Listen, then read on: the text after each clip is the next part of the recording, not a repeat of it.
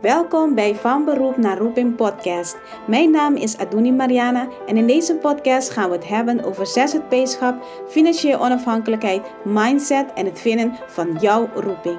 Dit doe ik door het delen van ervaring, interviews en case studies om jou te helpen van je beroep naar jouw roeping te komen. Nou, laten we beginnen.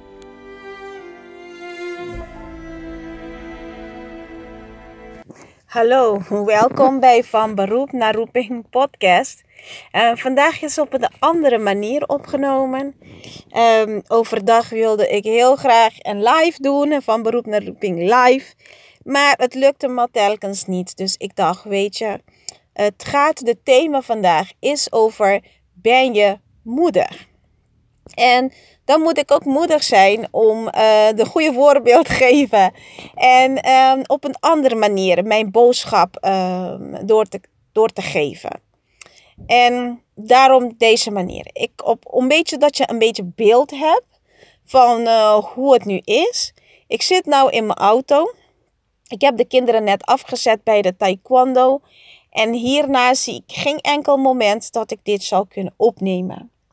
Dus dacht ik van even telefoon erbij, spraak, um, uh, ja, spraak um, opname of zoiets, hele ding. Eerste keer dat ik hem gebruik en kijk wat er uitkomt. Ja? Dit wordt niet geëdit um, zonder filter, zoals je van mij gewend bent. Geef ik dit gewoon, zet, zal ik hem gewoon zetten in de podcast. En, en we zien wel hoe ik dit ga doen. Natuurlijk ben ik nu aan het praten en tegelijkertijd aan het opnemen voor de eerste keer via dit ding. Dus in ieder geval, dan weet je de achtergrond van het verhaal hierover. Um, vandaag wil ik het hebben over ben je moeder. En de, het woord moeder is, um, is het woord van mijn hele week vorige week. In mijn hele week vorige week. Van allerlei um, kanten kwam dit woord gewoon naar voren.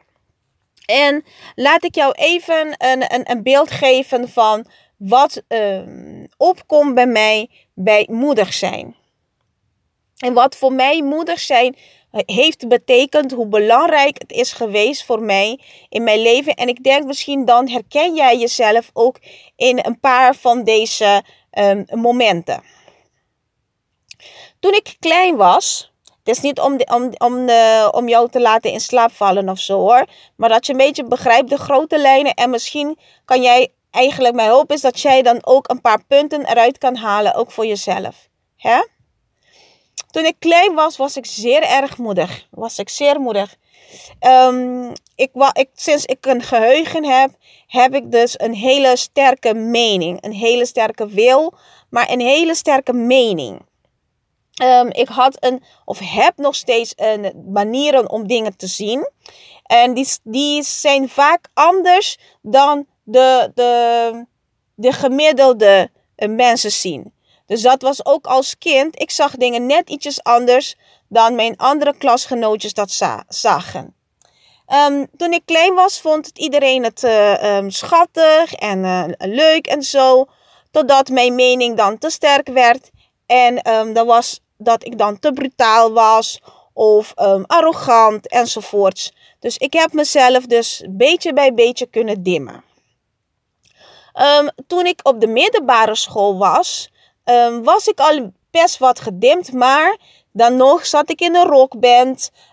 Ik kwam altijd als ik verslagen moest maken of spreekbeurten en dingen, kwam ik met thema's, bijvoorbeeld als pedofilie en in de kerk. En ja, op Curaçao. Ik groeide op op Curaçao. En daar is 90% van de mensen katholiek. Dus you figure out. En op een katholieke basisschool en een katholieke middelbare school ging ik. Dus you figure out hoe dat binnenkwam.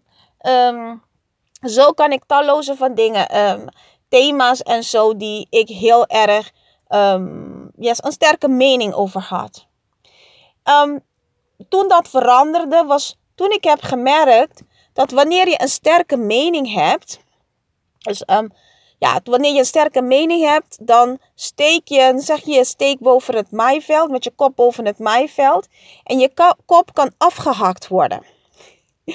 ja, um, niet letterlijk natuurlijk, maar in ieder geval, Dat is het gevoel dat ik uh, kreeg Ehm, toen ik niet meer de bescherming had, want dat is ook belangrijk, de bescherming had en de backup had van uh, dat mijn ouders, dat ik nog thuis woonde um, en mijn um, omgeving die best beschermend was, ondersteunend en beschermend. dus vooral toen ik op de werkvloer ging, heb ik gemerkt, als jij je kop over het maaiveld steekt, dan wordt er meteen over geroddeld. Of vervelende dingen gezegd. Of vervelende dingen gedaan. Zo moet je niet doen. Waarom doe je altijd zo? Waarom heb je die mening? Of waarom um, de teamleider zegt van ja, nou, uh, je moet gewoon doen. En de laatste tijd, ja, eigenlijk niet de laatste tijd. Sinds dat ik zelfstandig, net iets voordat ik zelfstandiger was geworden, was ik moedig genoeg om mijn visie op zorg duidelijk te maken. Op de werkvloer, in loondienst, op de werkvloer. En um, het wel werd ter dank genomen, alleen was er geen budget voor. Waar ik um, toen de tijd werkte, waren een paar vervelende dingen gebeurd. En eigenlijk um, versterkte het mijn mening over de zorg. Over hoe wij de zorg zouden kunnen inrichten. Hoe wij de zorg meer persoonsgericht of belevingsgericht zouden kunnen doen. Ik werkte um, bij mensen met dementie. En um, dat was dus um, mijn core thing. Ja, de, mijn kern doelgroep. Dat was de mensen met dementie. en op een gegeven moment, we kwamen er niet uit. En het lag niet aan mijn toenmalige werkgevers. Ze hebben alles eraan gedaan om mij tevreden te stellen, zeg maar. Om mij te houden. Maar uiteindelijk heb ik gekozen voor de um, volledig zelfstandigheid. En toen ik zelf, volledig zelfstandig werd, toen werd ik met de um, feiten gedrukt, op de feiten gedrukt, dat nu sta je alleen voor. Nu moet je echt moedig zijn. Super moedig zijn, mega moedig zijn om je verantwoordelijkheid te nemen over je eigen leven en je inkomen. Supermoedig zijn om de verantwoordelijkheid te nemen over je eigen leven en je inkomen. En dat betekende dat wat er voorheen een ja was, dus ik dat ik meeging, moest nu een nee worden, want of een nee, zodat. Laat ik dit iets duidelijker maken. Misschien ben je nu al zelfstandige en je gaat elke dag ga je werken. Elke dag ga je die dienst draaien of elke dag ga je naar je cliënten toe. En eigenlijk heb je een visie over hoe zorg zou moeten zijn volgens jou.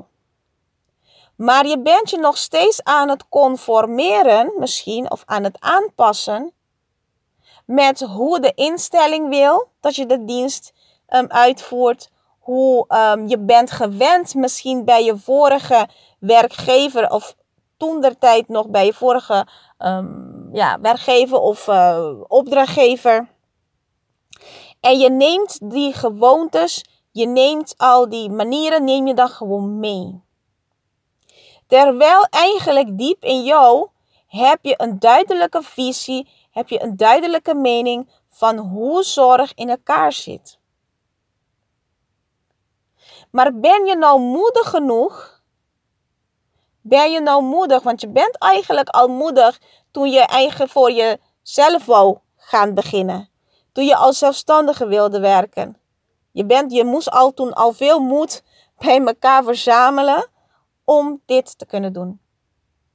Maar nu dat je echt aan het werken bent, heb je de verantwoordelijkheid over je inkomen. En die wil je natuurlijk niet verpesten door een duidelijke mening te hebben, door een duidelijke visie te verspreiden over hoe jij de zorg ziet of hoe jij de zorg ingericht zou willen zien.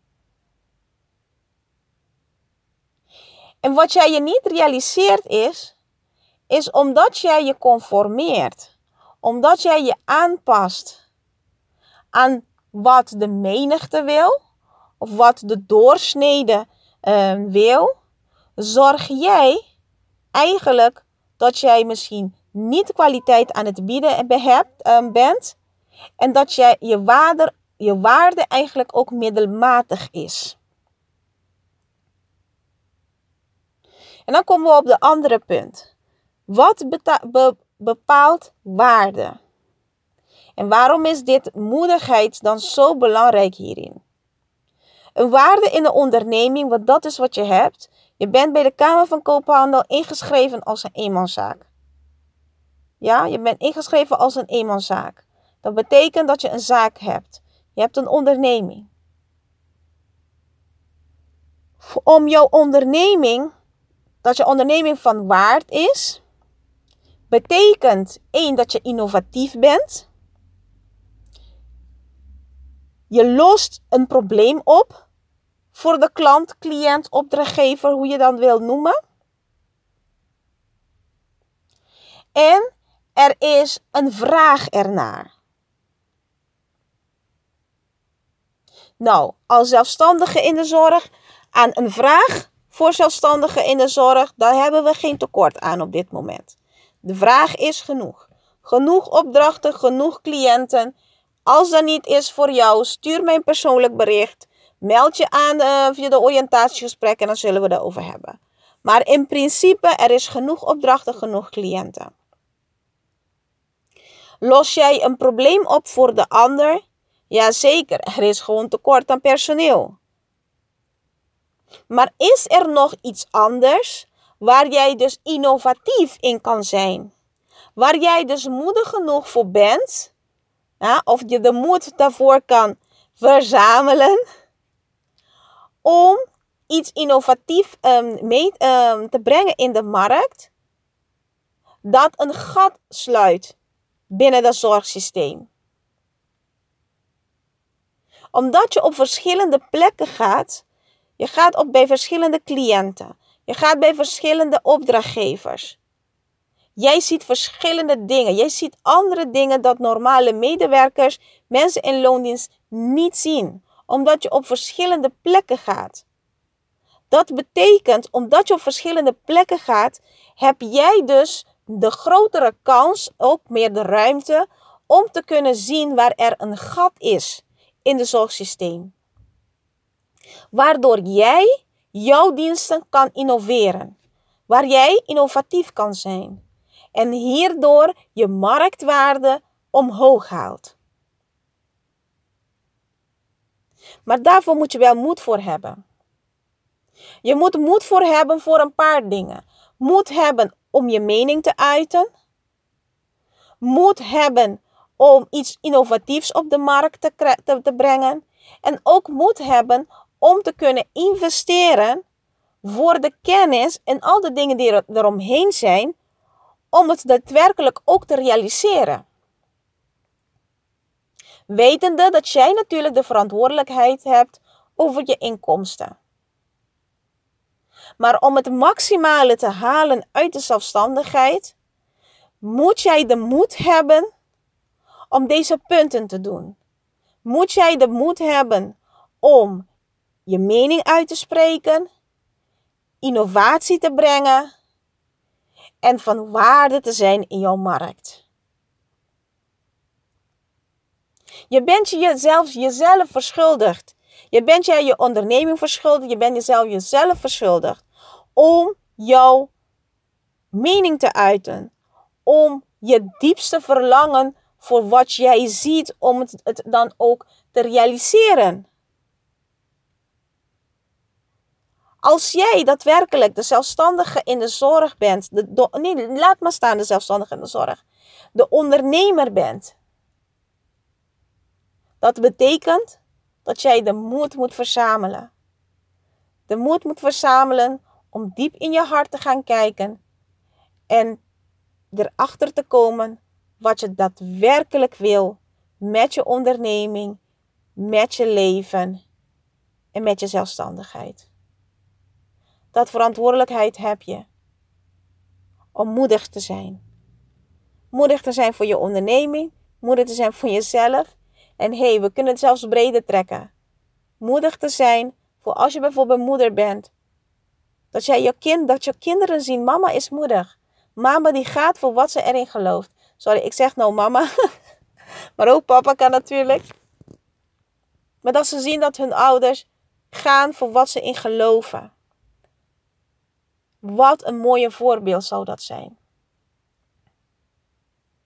Ik denk hierbij is het best duidelijk wat ik bedoel met moedig zijn in de zelfstandigheid en ook vooral in de zorg. En ook wat ehm, het kan betekenen voor jou. Maar hoe verzamel je die moed? Kijk eens diep in je hart. Durf het gewoon aan. Zit eventjes stil, misschien in je auto. Soms is dat het enige moment dat wij stilte hebben. Believe me, ik zit nu in mijn auto om dit te kunnen opnemen. Ja? Kijk diep in je hart. Doe je ogen dicht. Ja, je moet de auto wel even aan de zijkant zetten, parkeren ergens, hè? Sluit en dan maak het, doe het uit. Sluit je ogen, zet een hand op je hart. Even diep inademen en uitademen. En luister wat jouw diepste wens is. En wanneer je dit hoort en je wil iets aan doen, je hebt de moed om hier iets aan doen, boek je oriëntatiegesprek. Boek je oriëntatiegesprek zodat we samen kunnen kijken hoe jij dit zal kunnen realiseren. Ja? Ik zal de link hieronder zetten of in de beschrijving zetten. En dan kan je je oriëntatiegesprek boeken. Yes? En ik wil erbij zeggen, um, wij hebben van beroep naar roeping uh, onze programma. En uh, die is nou, ben ik een paar dingetjes aan het veranderen.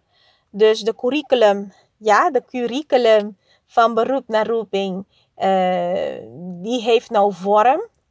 Dat betekent dat de prijs ook omhoog gaat per 1 juni. Ja, um, dus als je nog geïnteresseerd bent in van beroep naar roeping op de huidige prijs dat die nou is. Dus nu staat hij voor 375 inclusief BTW. Ehm, staat hij dan, uh, als je in 12 termijnen wil betalen. En volgens mij, als je in één keer wil betalen, is het 4050. Het is een jarenlang programma. En daar ga je van overwerkte zorgverlener naar financieel onafhankelijk ondernemer. Maar uh, ik zal Nee, boek je oriëntatiegesprek. Boek je oriëntatiegesprek en dan zullen we daar ook over hebben als jij daar de interesse voor hebt. Ja? Maar hoe dan ook, als jij je doel weet, als jij weet wat je diepste verlangen is, boek die oriëntatiegesprek. En dan gaan we kijken gewoon, wat is je meeste eerste volgende stap? Het kan zijn dat het onze programma is. Deze maand is het nog op, een, uh, op de oude prijs. En vanaf 1 juni gaat het naar de nieuwe prijs. Ja, want dan is de curriculum compleet. En, uh, ja, en dan moet hij naar de prijs dat hij eigenlijk moet, moet zijn. Yes? Oké. Tot, um, ja, tot de volgende keer. En ik kijk, en, en als je dit zo fijn hebt gevonden, dat ik zo uh, een audio heb opgenomen of zo de podcast heb gedaan, laat me weten. Laat me weten in een reactie. Um, waar je dan naar, ook aan het luisteren bent. Um, stuur mij een, eh, of een bericht. Of, ik zal hieronder zetten waar je de bericht naar kan sturen. Voor mij is ook eventjes een raadsel hoe dit gaat worden. Want ik ben er nu aan het opnemen. Het is de eerste keer zo. Um, en ik wil graag weten, want anders maak ik meerdere van deze audio's. Ik vond het in ieder geval leuk om te doen, als zit ik hier in de auto op een parkeerplaats. Maar ik vond het hartstikke leuk om te doen. Ik heb gedaan alsof, ik jou voor mij zie. En um, tot de volgende keer. Ik hoor je nog. Ik zie nog jouw afspraak verschijnen um, van de oriëntatiegesprek. Ja, het is een gratis gesprek. Geen kosten aan verbonden. Vrijblijvende gesprek. Dus boek jouw oriëntatiegesprek. Ja? Nou, tot ziens, tot hoors en tot kijks.